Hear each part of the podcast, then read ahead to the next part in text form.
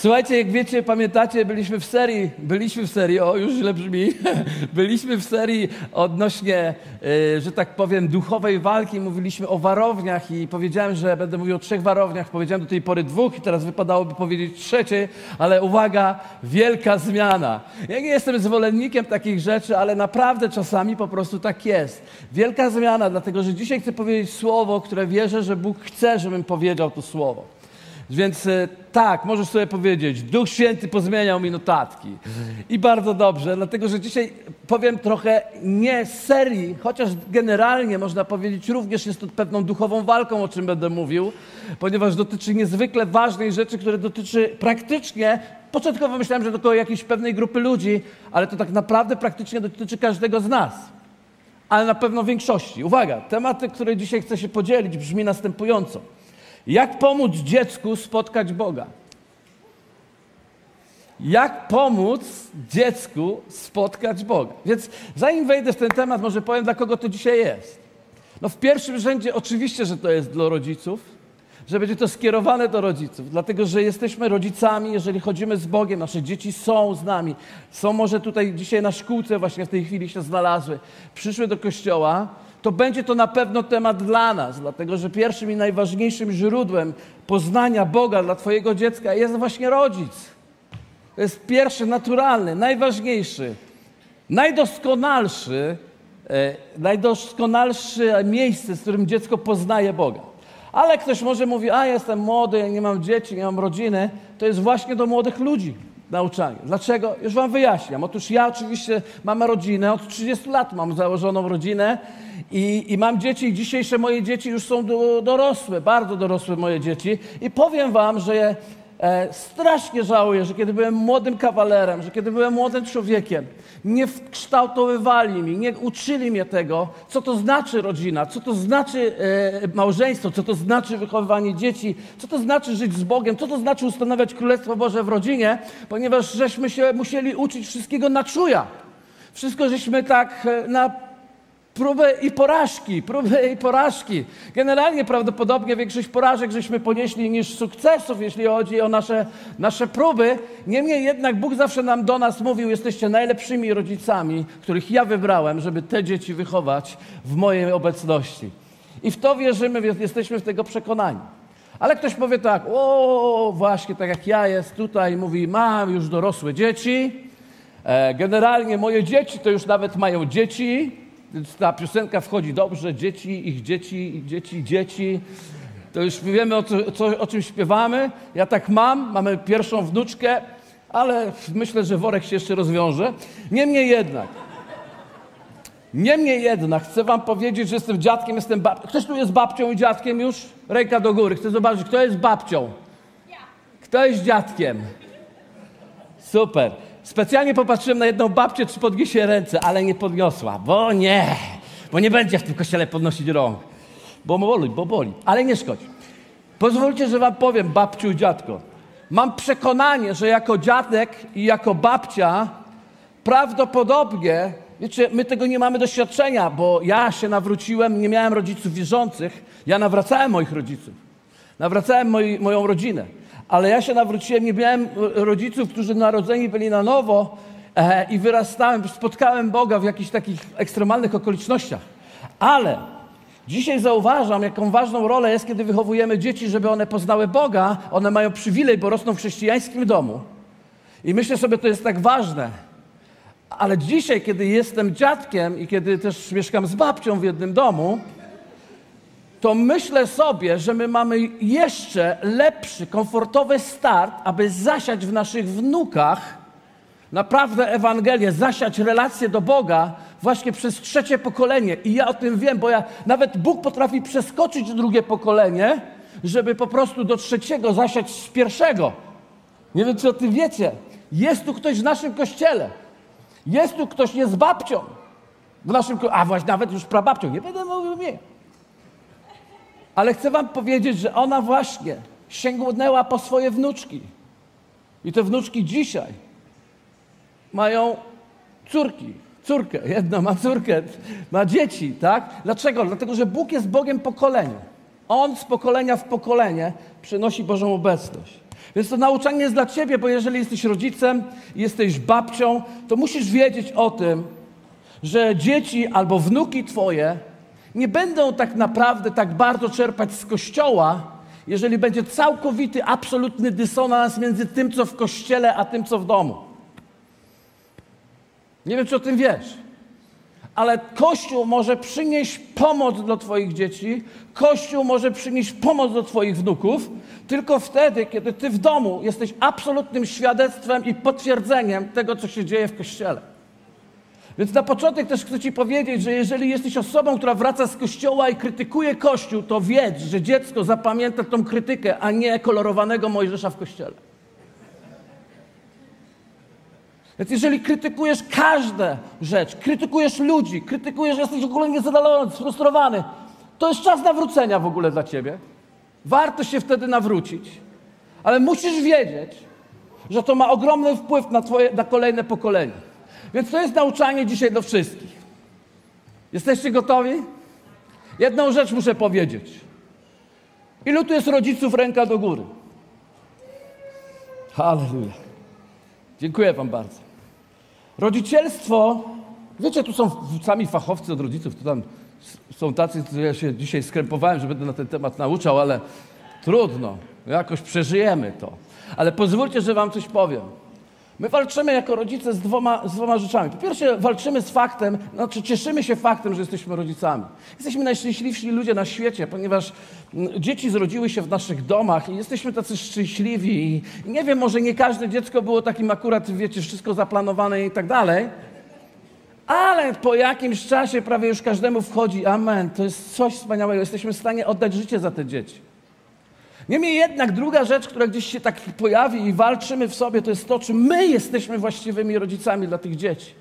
Czy my zdajemy egzamin? Czy my może... I, i kiedy te dzieci obserwujemy i te dzieci rosną i wyrastają w jakimś miejscu i my to obserwujemy, być może czasami się zdarzy, że patrzymy i mówimy, ja to o tym nie mówiłem, ja temu dziecku tego nie chciałem powiedzieć, ale to dziecko jakoś, no może nie, dos- nie idzie tak, jak ja bym sobie wymarzył, żeby ono szło, co wcale nie oznacza, że to byłoby dobrze akurat, ale no tak mamy. I wtedy się zmagamy i mówimy, może nawaliliśmy jako rodzice. Może ktoś tu ma już dorosłe dzieci i mówi, nawaliłem jako rodzice. To ja mam ci do powiedzenia coś, co Bóg mi kiedyś powiedział. Któregoś dnia modliłem się i Bóg powiedział mi takie zdanie. Adam, ja jestem stwórcą całego świata. Ja mówię, no amen. Ja stworzyłem cały świat, stworzyłem to, co wypełnia świat i teraz uwaga, to jest dobre. I wszystkich jego mieszkańców. No i to nie jest skomplikowane. Ja mówię, no amen, tak jest. Zatem każdy człowiek na ziemi jest moim dzieckiem. Ja mówię, o, no, amen, no tak, ty jesteś ojcem. Ty jesteś ojcem wierzących, ale też jesteś ojcem, którzy Ciebie nie poznali. I on do mnie mówi tak, i mówi tak, czy myślisz, że jestem dobrym ojcem? I ja mówię, jesteś najlepszym ojcem. Jesteś, nie ma lepszego ojca. A on do mnie mówi, i widzisz, i nie wszyscy robią to, co ja chciałem, żeby robili. Czy dlatego jestem złym ojcem? A ja sobie myślę, wow, wow, to jednak człowiek, każdy, nawet twoje dziecko, ma prawo podjąć decyzję. Więc ty nie jesteś odpowiedzialny za to, żeby dziecko wybrało twoje drogi i twoje myśli, ale jesteś odpowiedzialny za to, żeby pomóc jak najbardziej, jak najlepiej potrafisz, żeby dziecko wybierało dobrze. Ktoś się zgodzi z tym? Ja potrzebuję waszej pomocy, bo to nie jest łatwy temat. Więc dzisiaj chcę powiedzieć o tym, jak pomóc dziecku spotkać Boga, bo nie możemy zmusić go do Boga, nie da się zmusić dziecka do Boga i na pewno automatycznie, ponieważ tylko przychodzimy do kościoła, ciągniemy dzieci do kościoła, to nie stanie się, że dziecko się naturalnie stanie chodzić z Bogiem. To może mu pomóc, ale nie do końca koniecznie. Więc pozwólcie, że opowiem Wam pewną historię biblijną, ponieważ musimy to zbudować na Biblii. Myślę, że odnośnie jest dużo książek o wychowaniu dzieci i tak dalej. Można do nich sięgnąć, ja bardzo zachęcam, ale moim spragnieniem było to, żeby podzielić się tym, co jakby trochę ze Słowa Bożego, bo Słowo Boże dla mnie jest odpowiedzią. I pozwólcie, że powiem Wam pewną historię Najpierw przeczytam wam pierwszą Mojżeszową 12, 1 do 4. Czy mogę was prosić o skupienie, dlatego że wiem, że, że dzisiaj coraz mniej jest znane Słowo Boże. Biblia jest coraz mniej znana, że treść Biblii jest coraz mniej znana, ponieważ wydaje nam się, że to jest taka archaiczna sprawa, a to jest naprawdę poważna rzecz. W pierwszej Mojżeszowej 12, 1 czy, czytamy tak. I rzekł Pan do Abrama, wyjdź z swojej ziemi i od rodziny swojej i z domu ojca swego do ziemi, którą ci wskażę. A uczynię z ciebie naród wielki i będę ci błogosławił i uczynię cię sławnym imię twoje tak, że staniesz się błogosławieństwem. I będę błogosławił błogosławiącym Tobie, a przeklinających Cię przeklinać będę. I będą w Tobie błogosławione wszystkie plemiona ziemi. Abram wybrał się w drogę, jak mu rozkazał Pan. Historia zaczyna się w momencie, kiedy Bóg przychodzi i objawia się w suwerenny sposób Abramowi. Człowiek, który ma na imię Abram. Ciekawe jest to, że słowo Abram dosłownie oznacza ojciec. Więc objawia się jakiemuś Abramowi, czy imię ma Abram, ojciec. Problem tylko polega na tym, że nie ma żadnych dzieci. Ale objawia się mu i daje mu obietnicę. Obietnica jest tak sycąca, tak ekscytująca, że Abram decyduje się poświęcić wszystko, zmienić całe swoje życie i podążyć za tym głosem, którym powiedział, że ci pokażę, gdzie pójdę. Nawet nie powiedział, gdzie dokładnie, ale no, ta obietnica była wystarczająca. Więc Abram wybrał się w drogę, za głosem Bożym poszedł tam, gdzie Bóg mu wskazał. Kiedy doszedł w końcu do miejsca, do ziemi, którą Bóg chciał, żeby on doszedł, w pewnym momencie gdzieś tam jest w tym miejscu, siedzi w jakimś tam namiocie, przeżywa różne rzeczy, ale generalnie wciąż to jakby nie czuje jakiegoś spełnienia, nie czuje, czy to ma sens. W pewnym momencie nawet widać, że jest lekko rozgoryczony, trochę zagubiony. E, jest człowiekiem, który ma na imię ojciec, ale nie ma żadnych dzieci. Wygląda na to, że nie będzie miał, ma już prawie 100 lat. No, nie idzie za dobrze. I pozwólcie, że przeczytam dalej. Pierwsza Mojżeszowa, 15 rozdział, 18 werset. Bóg przychodzi do niego i postanawia zmienić jego życie, polegające na tym, że teraz już nie tylko będę mówił, co masz robić, ale chciałbym, żebyś wszedł w relację ze mną, żebyś wszedł w szczególne przymierze ze mną. I zawiera Bóg z Abramem przymierze. Posłuchajcie. W dniu tym, 18 werset, zawarł Pan przymierze z Abra, Abramem, mówiąc potomstwu Twemu daję tę ziemię od rzeki egipskiej aż do, do wielkiej rzeki Eufrat. Więc Bóg zawiera przymierze z Abramem. Co się wydarza w tym przymierzu? Dwie niesamowite rzeczy. Po pierwsze, Abram zaczyna mieć zmienione imię. Od tego momentu, od tego wersetu, który teraz przeczytałem, to był ostatni moment, kiedy Bóg powiedział, mówi o nim Abram, ale od tego momentu zaczyna go nazywać Abraham, co oznacza ojciec wielu narodów. To jest bardzo ciekawe, bo my mówimy tak, o mam imię, ojciec, nie mam żadnych dzieci. W ogóle bez sensu moje życie. I wiecie, Bóg nie mówi tak, pomyliłem się z Twoim imieniem, w związku z tym nie będziesz się od dzisiaj nazywał ojciec, tylko będziesz się y, nazywał bezdzietny. Nie, on tak nie robi. On mówi, on przychodzi i mówi tak, masz imię ojciec, ale jesteś sfrustrowany, bo nie masz żadnych dzieci, ale od tego momentu nie będziesz się nazywał ojciec, od tego momentu będziesz się nazywał ojciec wielu narodów. To oznacza, że mój plan i tak się zrealizuje, ponieważ ja zawieram z Tobą przymierze, więc dzisiaj jesteś Abraham. Bo nasze życie nie jest ukryte w naszych rękach. Nasze życie jest ukryte w Bożych rękach. Amen? Amen. I druga rzecz się wydarza niezwykle ciekawa. Od tego momentu, od tego momentu Bóg jest przedstawiony nowym imieniem. Zaczyna być tytułowany jako Bóg Abrahama. Wow! I to, I to było, i my to wiemy dzisiaj. Wyobrażasz sobie, że to byłoby z tobą, jest masz na imię Marek, Bóg do ciebie przyszedł i mówi do ciebie, a dzisiaj cały świat pozna, że ja jestem Bogiem Marka. Więc on staje się Bogiem Abrahama. Oczywiście realizuje się obietnica, rzeczy się dzieją, rodzi się Izaak, jego syn, fantastyczny syn. Wiecie, nie mamy może za wiele opisu, ale jestem przekonany, ponieważ w kulturze hebrajskiej było to zawsze, że kiedy Abram brał Izaaka, swojego syna, kiedy Hebrajczyk brał swojego syna, w pewnym momencie życia uczył go opowieści biblijnych, uczył go na pamięć prawie całej pięciu mojżeszowych ksiąg, całej Tory. Po prostu wkładał w niego słowo i kształtował go. Jestem tego pewien, że tak się działo. No ale w tej historii naszej biblijnej wiemy, że w pewnym momencie Abraham odchodzi, taka jest kolej rzeczy, umiera, Izaak zostaje sam. I pozwólcie, że przeczytam wam. Wiecie, nie wiemy za wiele o Izaaku, dopóki nie pojawia się kryzys.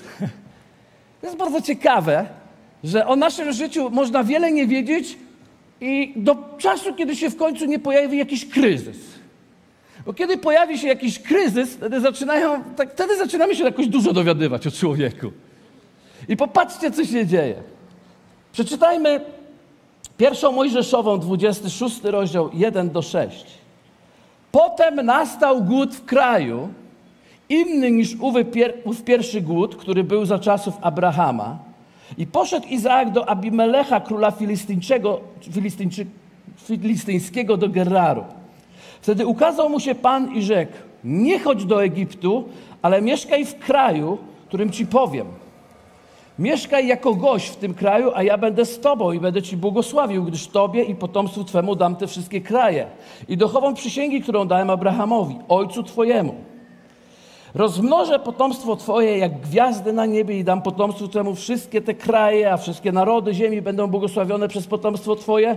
Dlaczego? Dlatego, że Abraham był posłuszny głosowi mojemu i strzegł tego, co mu poleciłem, przykazań moich, przepisów moich i praw moich i zamienił, zamieszkał Izaak w Gerrarze. Czy zwróciliście uwagę na to, że Bóg objawił się Abra, Ab, Izaakowi. I później, i w, później, kiedy będziemy czytać dalej ten tekst, zobaczycie, on się przedstawił, jest, że jest Bogiem Abrahama. Więc Bóg jego ojca przychodzi do Izaaka. Pojawia się kryzys, Zaczyna być głód i nagle on próbuje się skierować w miejsce, gdzie ten kryzys będzie lżej do przeżycia. I w tamtym czasie był właśnie to Egipt. I zaczął kierować się do Egiptu. I kiedy doszedł do, do, do miasta filistyńskiego, tam gdzie jest król filistyński, Bóg mówi: hej, hej, hej, hej, nie podróżuj do, do Egiptu. Nie. Zostań w tym kraju, w którym jesteś, dlatego że ja będę z tobą, ja będę po twojej stronie, ja ja mam obietnicę dałem Twojemu ojcu i ze względu na tą obietnicę ja chcę Ci błogosławić. Więc Izaak doświadcza błogosławieństwa, bo jego tato spotkał Boga. On doświadcza błogosławieństwa, bo jego tato, jego mama mieli bardzo niesamowitą, wyjątkową relację z Bogiem, mieli przymierze z Bogiem. Dlatego Bóg obiecuje Izaakowi, że chcecie błogosławić z jednego powodu. Dlatego, że Abraham był posłuszny. Izaak, ty może nie jesteś doskonały, może poszedłeś gdzieś na różne sytuacje, ale Abraham był posłuszny, twój tato. Ja ze względu na Abrahama, twojego tatę, chcę ci pobłogosławić. I nagle widzimy Izaaka, który na to generalnie nie zasługuje, ale jest błogosławiony, ponieważ jego tato był wierny. Ponieważ jego tato był wierny. Podszedł do króla filistyńskiego Abimelecha, żeby wam wyjaśnić. On nie przyszedł przypadkowo do niego, dlatego że Abraham miał przymierze z Abimelechem. Abimelech pozwolił mu mieszkać w jego ziemi, pozwolił, a my cała historia, nie będziemy jej teraz opowiadać, ale generalnie się dogadali i byli w przymierzu jakimś. Więc on przyszedł w naturalny sposób do tego miejsca, Abimelech początkowo go przyjął, dlatego ze względu na, też na przymierze, które miał ojciec. Fajnie mieć dobrego tatusia z układami. Naprawdę fajnie. I teraz ze względu na Abrahama Bóg prowadzi Izaka. I przeczytajmy dalej. Od wersetu 12. Co się stało? Okazało się, że Izaak siał w owej ziemi i zebrał w tym roku stukrotne plony, bo Pan mu błogosławił. I zbogacił się ten mąż i coraz bardziej się bogacił, tak, że stał się bardzo zamożny. Żebyśmy to zrozumieli. Jest kryzys, Ludzie sieją, a nie zbierają. Nie mają co do garnka włożyć i pojawia się Izaak nie wiadomo, syn Abrahama, no z Abrahamem mieliśmy układ, ale to syn Abrahama pojawia się i sieje w ziemi, która nie daje plonu, ale o, jemu daje. Jemu z jakiegoś powodu wszystko wychodzi. Wiecie, ja, ja znam takich ludzi, co nie dotkną, to w złoto zamieniają. A nade mną, moją rodziną zawsze widziało takie przekleństwo, które moja mama zawsze wypowiadała. Co się polepszy, to się pogorszy. Ja w to zawsze tak wierzyłem i tak naprawdę przyjmowałem. Ale właśnie Izaak tak miał. On zasiał i zebrał stukrotny plon w ziemi, która nie dawała żadnych plonów. I bogacił, bogacił się. I jeszcze dopowiedziane jest w Biblii, a w Biblii nie ma y, nie, bez znaczenia rzeczy i coraz bardziej się bogacił.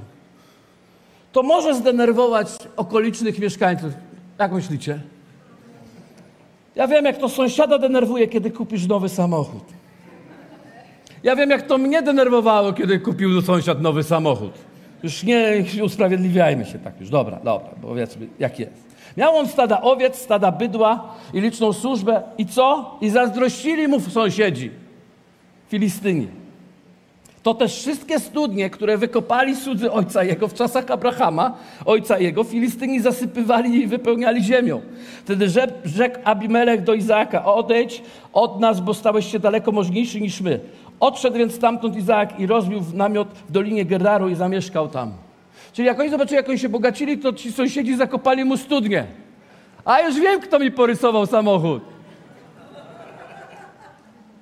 Jest coś, ale wiecie, coś, nie wiem, w ogóle z Żydami jest bardzo podobnie coś jak z nami, Polakami.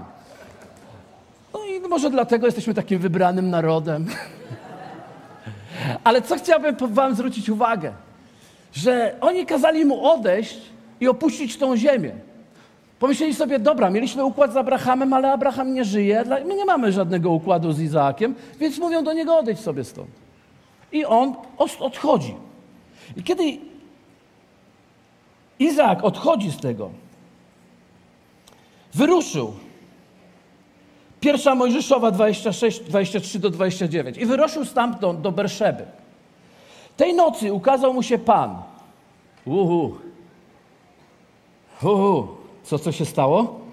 Tej nocy, kiedy został wypchnięty stamtąd, ukazał mu się Pan, mówiąc: Jam jest Bóg kogo? Abrahama, Ojca Twojego. Chcę, żebyście to zrozumieli. On do niego mówi: Ja jestem Bogiem Twojego taty.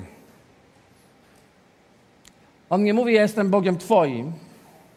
On mówi: Ja jestem Bogiem Twojego taty. Oczywiście następne słowa mówią niesamowitą rzecz. Nie bój się, bo ja jestem z Tobą i będę Ci błogosławił i rozmnożę potomstwo Twoje, ale przez wzgląd, widzicie to? Na Abrahama, sługę Twego, przez wzgląd na tatusia. Twój tatuś ma układy w niebie. I zbudował Izaak tam ołtarz i wzywał imienia Pana i rozbił tam namiot swój. Tam też wykopali cudzy Izaaka studnie.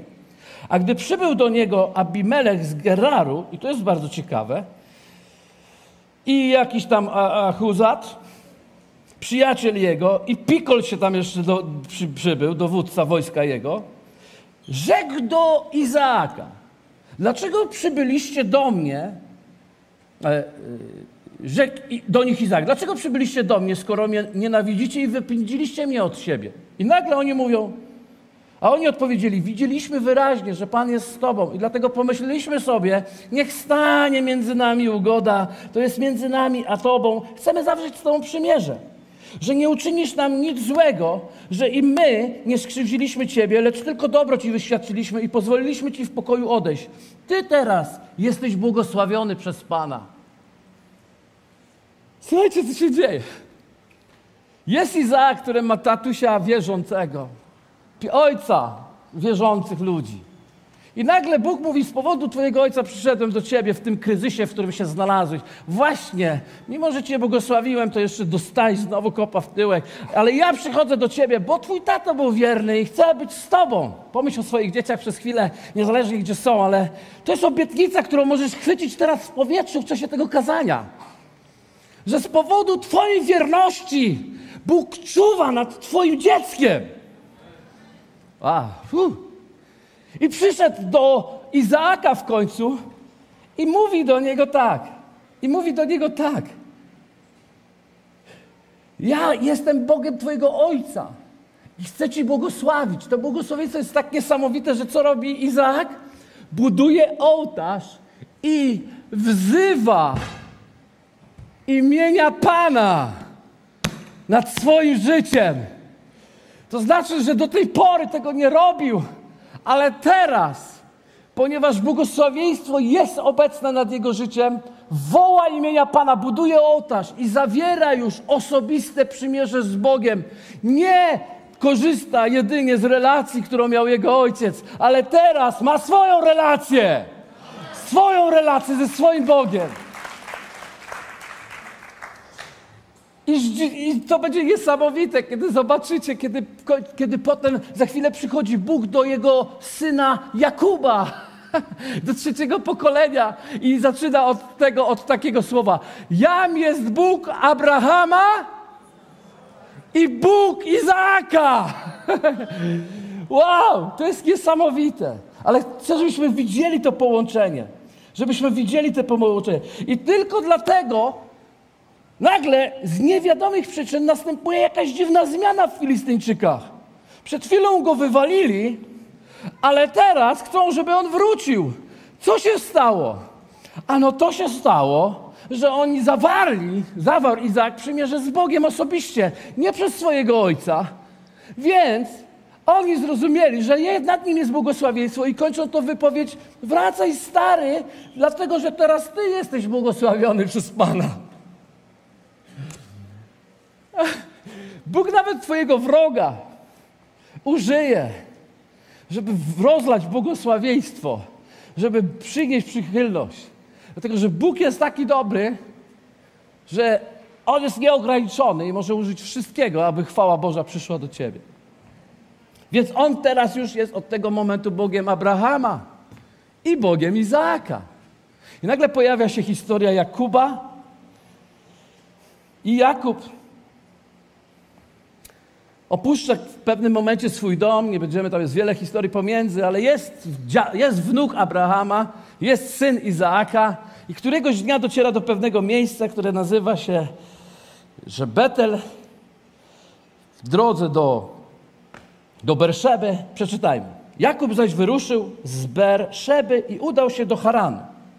A gdy przybył na, przepraszam, 28.11, 28.10, pierwsza Mojżeszowa 28.10, i 28 do 16. Możemy poprosić o tekst?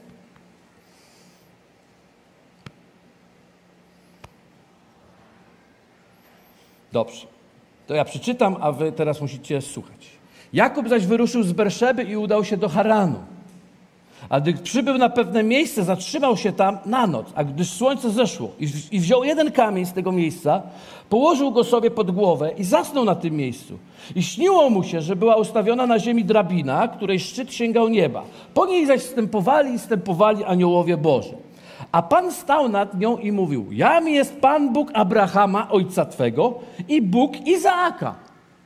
Ziemię, na której leżysz, dam Tobie i potomstwu Twemu. Potomstwo Twoje będzie liczne jak prog ziemi i rozprzestrzenisz się na zachód, na wschód, na północ, na południe i będą błogosławione Twoje potomstwa Twoje wszystkie poplemiona ziemi. Bo oto ja jestem z Tobą i będę się Cię strzegł wszędzie, dokądkolwiek pójdziesz i przywiodę Cię z powrotem do tej ziemi, bo nie opuszczę Cię, dopóki nie uczynię tego, co Ci przykazałem.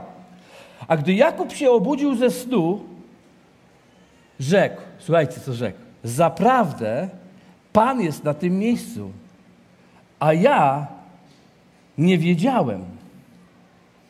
A ja nie wiedziałem. I składa tam ofiarę. Wylewa tam najcenniejszą rzecz, którą ma.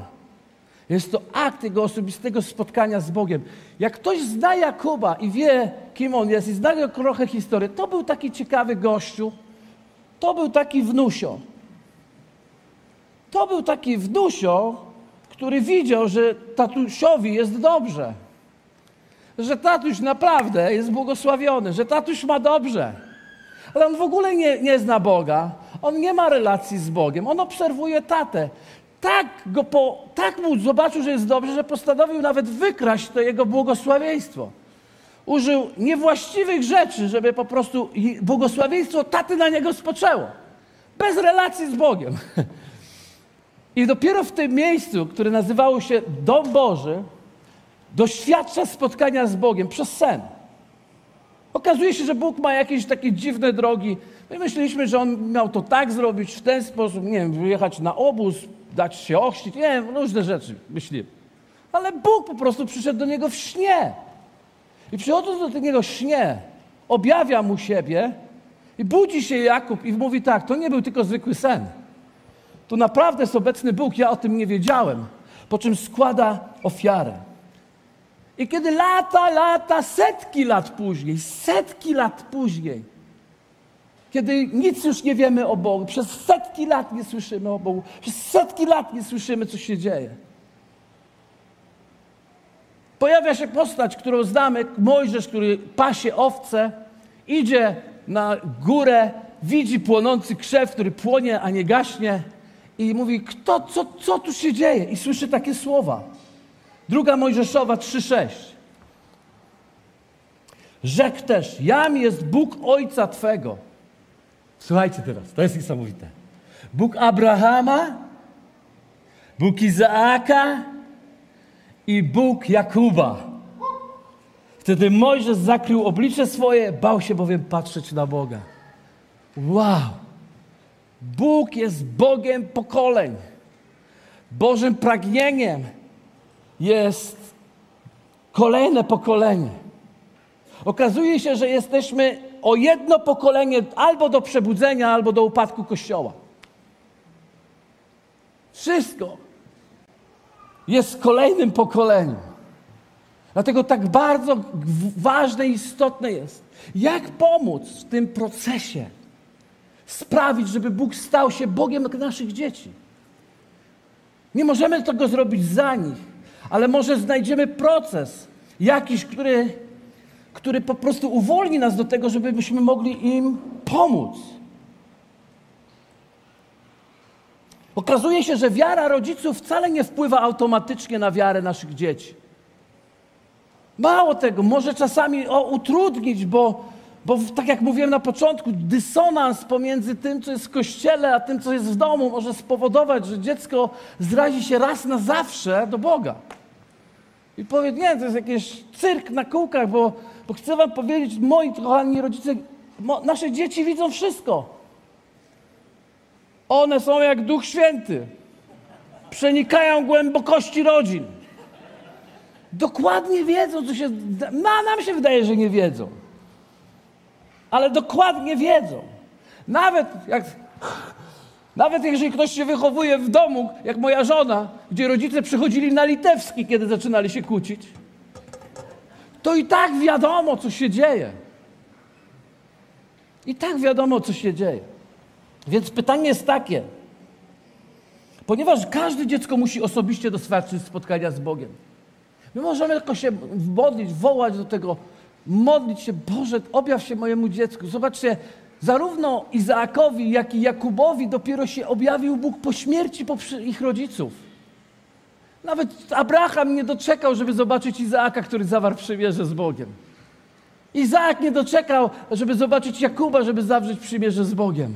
Ale Bóg nie zapomina o naszym domu. Bóg nie zapomina o naszych dzieciach. Bóg przypadkowo nie sprawił, że mamy dzieci w naszych domu. Bóg przypadkowo tego nie zrobił. I Jemu bardziej nawet zależy niż nam. Dobrze, konkret. Konkretnie. Jak im ułatwić to? Co my jeszcze możemy zrobić? Co jako rodzice możemy zrobić? Pierwsze, Bądź dobrym świadectwem relacji z Bogiem dla swoich dzieci. Bądź dobrym świadectwem relacji z Bogiem dla swoich dzieci. Musimy mieć świadomość, że jako rodzic jesteśmy najmocniejszym i najważniejszym świadectwem życia z Bogiem. Najmocniejszy i naj... Ale ja już tak nawaliłem, akurat właśnie w tym obszarze, pastorze, no dałem tak po bandzie. Ja, ja, ja, nie, ja, jeszcze nie rozumiałem tak Boga, jak rozumiem dzisiaj. Dzisiaj było to inaczej. Gdyby Bóg mi dał zestartować to, zrestartować to, zrestartować to. Wiecie, nie chcę mówić imionami, ale tutaj siedzą ludzie, którzy dokładnie tak mówili i dzisiaj siedzą ich dzieci, które może nie są z Bogiem, dlatego że w domu było super, ale są z Bogiem, dlatego że obserwują, jak rodzice się złapali taką wewnętrzną y, korektę, refleksję i po latach widzą, jakie mają poczucie, że zrobili dobrze i widzą, jak to się dzisiaj zmieniło i dlatego przyszli teraz do Boga, mimo że wcale nie mieli koniecznie świadectwa dobrego w domu. Czy komuś to się wydaje takie znajome? No nie, nie, nie no podnoście rąk. Nie podnoście rąk. Ale wiecie, to tak jest. Dlatego, że Bóg jest Bogiem ponad czasem i On potrafi... Wiecie, nie chodzi o to, że my mamy zaprezentować dzieciom doskonałe życie. Chodzi o to, że mamy zaprezentować dzieciom prawdziwe życie. Prawdziwe życie. Dobra, daliśmy ciała. To nie udawajmy, że tego nie zrobiliśmy. Ale weźmy refleksję. I być może jak dziecko już będzie wszystko rozumiało, najwyższy czas umówić się z dzieckiem, powiedzieć: Synu, córko, dałem ciała. Dałem po prostu ciała. Przepraszam Ciebie za to. Bo mam świadomość, że gdybym był większym, lepszym świadectwem dla Ciebie, być może nie przechodziłbyś wielkiego kryzysu, żeby spotkać Boga, albo takich różnych rzeczy. Przepraszam Cię. Więc nie tylko świadectwem porządnego życia w domu, ale świadectwem nawrócenia. Świadectwo nawrócenia też przemawia. Więc gdziekolwiek jesteś, mam nadzieję, że nie jesteś takim chrześcijańskim rodzicem naburmuszonym, bo dziecko nie poszło za Bogiem i teraz nie chcesz mieć nic z nim wspólnego. Wiecie, są tacy. Są, to masakra, ale są tacy. Nie. My szukamy dzieci do końca naszych dni. My ich szukamy cały czas, mówimy im cały czas, jesteśmy z nimi. Być może już wiemy, że nie mamy ich rzucać Bogiem, Biblią lać, ale wiemy, że mamy im powiedzieć, jakby co to jestem, jakby co to zapłacę, jakby co to wesprę, jakby co to pamiętaj, że Cię kocham, bez względu na to, gdzie jesteś, bez względu na to, co robisz, bez względu na to, jaką płeć nawet przyjąłeś w ostatnim czasie.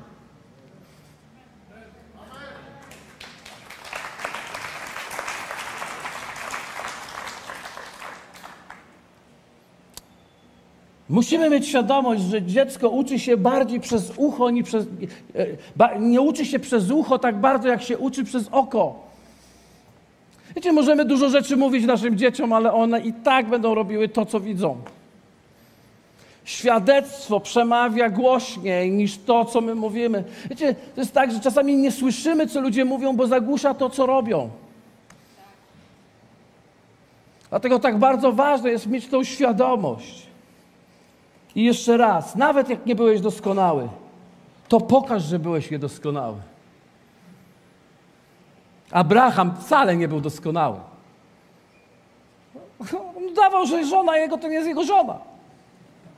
Siostra. Boże, że on się Boga nie bał, to się rozumiem, ale że tej żony się nie bał. Boże. Ja, ja zawsze mam wyobraźnię sobie myślę tak.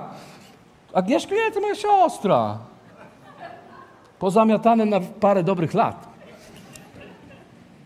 Więc nie był doskonały. Ale słowo może mówi tak do nas, ojców i matek. Będziesz, mówi, jest fragment powtórzonego prawa, jak kształtować dziecko w Bogu. I te, ten fragment, który żeśmy przeczytali, ale on zaczyna się ciekawym sformułowaniem. Zaczyna się od piątego wersetu. Będziesz wtedy miłował Pana Boga swego, z całego serca swego i z całej duszy swojej i z całej siły swojej. Niechaj słowa te, które ja Ci dziś nakazuję, będą w Twoim sercu. Więc jak pomóc dziecku spotkać Boga? Ty rozkochaj całe swoje serce w Twoim Bogu. Dziecko nie rozkocha się w Bogu, jeśli my się nie rozkochamy w Bogu. Jedno ma być świadome. z taką etycznością, moralnością, czasem słowami zawsze wlecą, nerwami. Może nie będziemy za dobrym świadectwem, ale możemy zawsze dawać świadectwo, że mimo tego wszystkiego syfu, które wychodzi z nas, jednak my całym sercem kochamy Boga ze wszystkich sił, jakie potrafimy i całym naszym umysłem. Więc Bóg od tego zaczyna, żebyśmy po prostu się rozkochali w Bogu i byli świadectwem rozkochania w Bogu, nie chodzenia do kościoła. Jestem co niedzielę. No, no okej. Okay. Bardzo się cieszę, że jesteś co niedzielę. Naprawdę się cieszę. Ale Bóg nie jest Bogiem jedynie niedzieli. Właśnie poniedziałku. Bóg jest Bogiem zbierania dzieci do szkoły, budzenia dzieci do szkoły. Bóg jest Bogiem robienia im śniadania. Bóg jest Bogiem sprzątania. Bóg jest Bogiem bycia w poniedziałku, wtorku, środy, czwartku. Niewiele się spotykamy po to, żeby uczcić to, w jaki sposób rozkochaliśmy się w tygodniu w Bogu. Amen? Dlatego miej świadomość, że stań się świadectwem. Stań się świadectwem. Dwa. Dalszy werset mówi tak. Nauczaj swoje dzieci słowa. Nauczaj słowa. Mówi tak. Będziesz je wpajał w twoich synów i będziesz o nich mówił, przebywając w swoim domu, idąc drogą, kładąc się i wstając. Zobaczcie, to my rodzice mamy włożyć słowo w dzieci. Nie, no ja zapisałem przecież dzieci na szkółkę niedzielną. Oni tam wszystko powiedzą mojemu dziecku. Zresztą ja nie wiem, kto to tam przeprowadził przez te Morze Czerwone. Abraham czy Mojżesz, jeden z nich. Nie. Ty masz nieść, tak jak to było w, w Izraelu, masz nieść swoim dzieci, opowiadaj dzieciom, opowiadaj historię biblijną, opowiadaj o Mojżeszu, opowiadaj o Abrahamie, opowiadaj o Esterze, połóż, weź może nie wiem, sorry, ale akurat jestem w temacie, nie chodzi mi o tą bajkę, ale weź tego binga może na chwilę odsuń i trochę powiedz o Jezusie, o, powiedz o tym, jak rozmnożył chleb. Po, postarajmy się, wiecie, zakochajmy się na nowo w historiach biblijnych i dajmy im ten pokarm, dajmy im ten pokarm, ponieważ to jest pokarm życia. Jesteście ze mną? Szkółka nie jest miejscem na to, żeby nauczyć Twoje dzieci historii biblijnej. Szkółka jest miejscem, które ma się stać potwierdzeniem, że te opowieści, które Ci opowiadali rodzice, są prawdą. Są prawdą. Ale uwaga, Uwaga, chroń swoje dzieci, opowiadaj swoim dzieciom o Biblii, opowiadaj o Bogu, opowiadaj historię, bo szkółka może niechcąco stać się miejscem zawstydzenia. Bo nagle dziecko jedno, a to Mojżesz, tamto to Abraham, tamto, a twoje siedzi i mówi tak. Ja nic nie wiem. Ja wiem, jak grać na grach komputerowych. Ja, wie, ja, ja znam seriale, ale ja nie mam pojęcia. Co to jest Babel? Jaki Babel? Jaka wieża? Ja dwie wieże, taki film oglądałem. Dwie wieże. Władca pierścieni, to. Ale wieża Babel? Wiecie, to brzmi śmiesznie, ale to jest prawdziwe. Dzieci nie znają dzisiaj, nie wiedzą, kto to jest Rahab, nie wiedzą, kto to jest Estera, nie wiedzą, kto to jest Dawid, nie wiedzą, kto to jest Saul, nie wiedzą, kto to jest Samson. Sprawdźcie to. Pójdźcie do domu i sprawdźcie to, bo ja to sprawdzałem. Nawet wśród młodzieży ostatnio miałem przywilej to sprawdzić. Trzy. Pokaż swoim dzieciom, że Biblia jest najważniejszym drogowskazem Twojego życia. Zobaczcie, pisze dalej. Przywiążesz je, to słowo, jako znak do swojej ręki i będą jego przepaską między Twoimi oczami. Wypiszesz się też na oddziach Twojego domu i na Twoich bramach. Co to oznacza? To oznacza, że ty nie, nie będziesz osobą, która tradycyjnie będzie pokazywała, że wierzysz w Boga, ale osobą, która pokaże, że słowo dla ciebie jest najważniejsze w Twoim życiu. I dlatego będzie nad, twoim, nad bramą Twojego domu. Będzie wejściem i wyjściem. Będzie miejscem, w którym mój dom będzie żył i funkcjonował. Cztery, już kończymy. Stań się wychowawcą dziecka, a nie tylko opiekunem.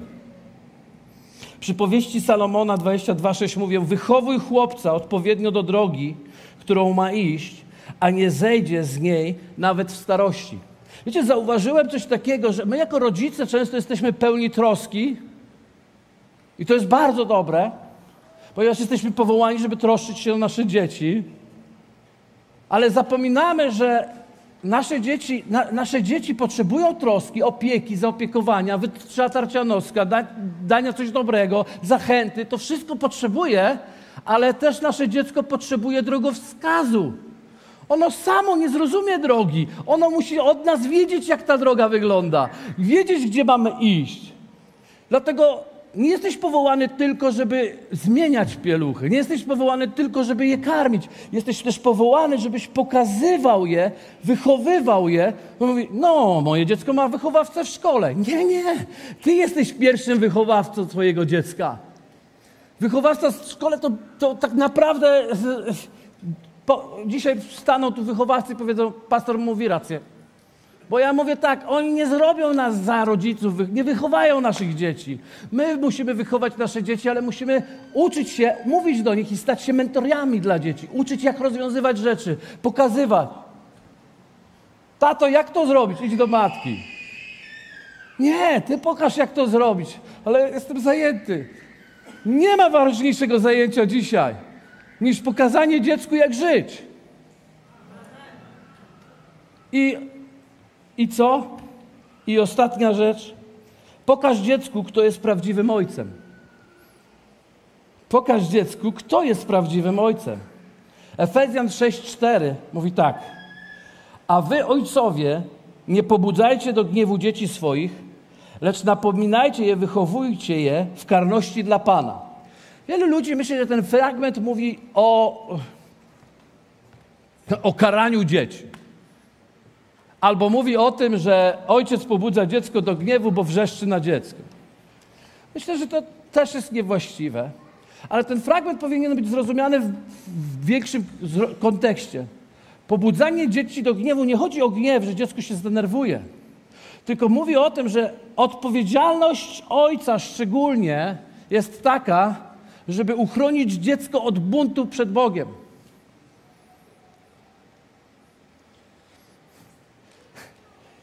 Ale jak?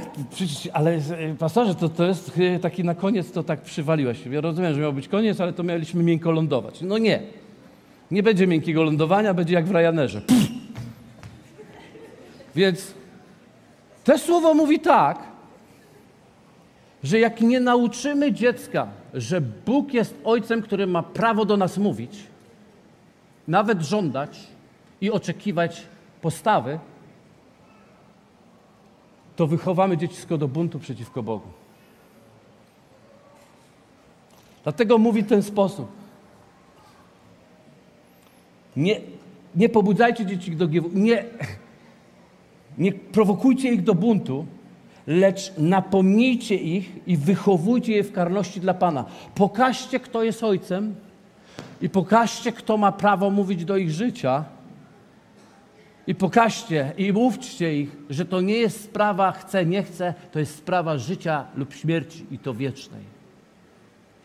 Bóg dał nam, rodzicom, słuchajcie, to jest ważny temat. Bóg dał nam, rodzicom, możemy już zacząć grać coś, zapraszam zespół. Bóg dał nam, rodzicom, odpowiedzialność, która polega na tym, że jako jedni z niewielu mamy prawo powiedzieć, jak jest, bez owijania w bawełnę. Nie możemy dziecko e, zmusić do czegokolwiek. Bo jeżeli ty przegapiłeś ten okres i wieku, twoje dziecko w wieku 16 lat nagle mówisz, ty musisz, ty to, ty tam, to jest za późno. To jest za późno.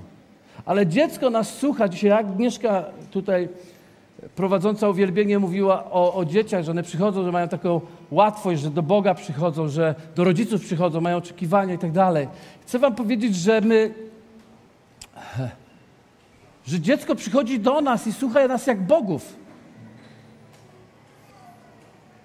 Więc nie bądź tylko misiem do przytulenia, ale pokaż im drogę. Wychowuj je. Niech sprzątnie zabawki po sobie. Ale po co? Ze względu na Pana. Ponieważ Pan chce, żebyś Ty się kształtował, żebyś Ty był dojrzały, nawet w tym wieku, w którym jesteś. My myślimy, nie, to dzieci dopiero jak do Bidelightu trafią, to zaczynają tam. Nie. Do Bidelightu już jest za późno. Już, a, a do ślubu to już jest tragedia. To już jest tragedia. Wiem, że nie powiedziałem wszystko na ten temat. Wiem, że. Ale wiecie co? Jedną rzecz zrobiłem. Skupiłem Was na temacie. Skupiłem Was na Waszych dzieciach. Skupiłem Was na Waszych wnukach. Wiecie, jest wielu wspaniałych ludzi, których ten temat zna bardzo dobrze. I być może to kazanie pobudzi Was, abyście się zainteresowali tym. Może jak będziemy w przyszłości robić warsztaty wychowywania dzieci, może ktoś więcej jednak przyjdzie, może jednak ktoś znajdzie więcej czasu, żeby po prostu przeżyć to, żeby uczyć się, żeby kształtować się. Bo jak możemy kształtować dzieci, jeśli sami się nie ukształtujemy? Powstańmy razem, pomódlmy się o nasze domy. Ponieważ Kościół będzie silny na tyle, na ile silne będą nasze domy. I to Bóg chce być nie tylko Bogiem Abrahama. Wiecie, może jesteś pierwszym pokoleniem. Ktoś tu jest pierwszym pokoleniem w swoim domu, który spotkał, narodził się na nowo, rękę, podnieście rękę. Jesteście Abrahamami. Abrahamami swoich rodzin. Ale Bóg da wam Izaaki. I Bóg da wam Jakuby. Nie zmarnujmy tego. Nie zmarnujmy tego. Nawet jeśli nie będziesz widział owoców w swoim życiu, tak jak Abraham musiał um, umarł, zanim Izaak spotkał się z Bogiem. Nawet jeśli tak się stanie, ty nie przestawaj się modlić, nie przestawaj walczyć o swoje dzieci, nie przestawaj kochać je, nie przestawaj być światłem dla nich w swoim domu. Bo przyjdzie dzień, kiedy Bóg przyjdzie z błogosławieństwem do ich dzieci, do Twoich dzieci i powie, ze względu na Twojego tatę, na Ciebie, Bóg wspomni Ciebie przed Twoim dzieckiem, Bóg wspomni Ciebie przed Twoim wnukiem i powie tak, ze względu na Twoją babcię, Twojego dziadka, ze względu na Twojego ojca, na Twoją matkę, ja Ci błogosławię. Ja, będziesz zarabiał dużo, będziesz błogosławiony, będziesz zdrowy, bo ja, oni byli tacy wierni i jestem. I, i te, ten wnuk, to dziecko stanie któregoś dnia i mówią, Boże, Ty jesteś takim wspaniałym Bogiem moich dziadków, jesteś takim wspaniałym Bogiem moich rodziców, to ja chcę, żebyś Ty był moim Bogiem. Ja już nie chcę Boga mojego taty. Ja nie chcę tylko Boga mojej mamy. Ja nie chcę tylko Boga mojej babci. Nie chcę Boga mojego dziadka. Ja chcę Boga w moim osobistym życiu. Chcę mojego Boga. Boga, który ma ze mną relację, którym ja mam relację z Nim. Niech tego chcę, tego pragnę. I my się modlimy o nasze domy, Panie, bo tylko w Twoich rękach jest odpowiedź dla, te, dla naszych dzieci, dla naszych bliskich. Przyjdź, Duchu Święty, przygotuj tych, którzy nie mają rodzin. Zdaj im dzisiaj na serce tą odpowiedzialność za dom. Niech wschodzą, nawet jak poznają dziewczynę albo chłopaka, ktoś z nich pozna, niech, niech ta, ten ciężar domu będzie w nich, żeby wiedzieli, że to nie jest jakaś zabawa lub gra w, w planetę singli ale to jest odpowiedzialność, którą Bóg ma dla nas. W imieniu Jezusa. Przyjdź królestwo Twoje i ustanów panowanie w naszych domach, w naszym kościele, ale przede wszystkim w naszym osobistym życiu. Amen. Dzięki za odsłuchanie podcastu Kościoła Wrocław dla Jezusa. Przesłanie było dobre, prawda? Gwarantujemy, że to nie tylko teoria. Teraz Twój ruch, by zastosować je w swoim życiu. Jeśli chcesz dowiedzieć się o nas więcej, odwiedź stronę wdj.pl. Do usłyszenia!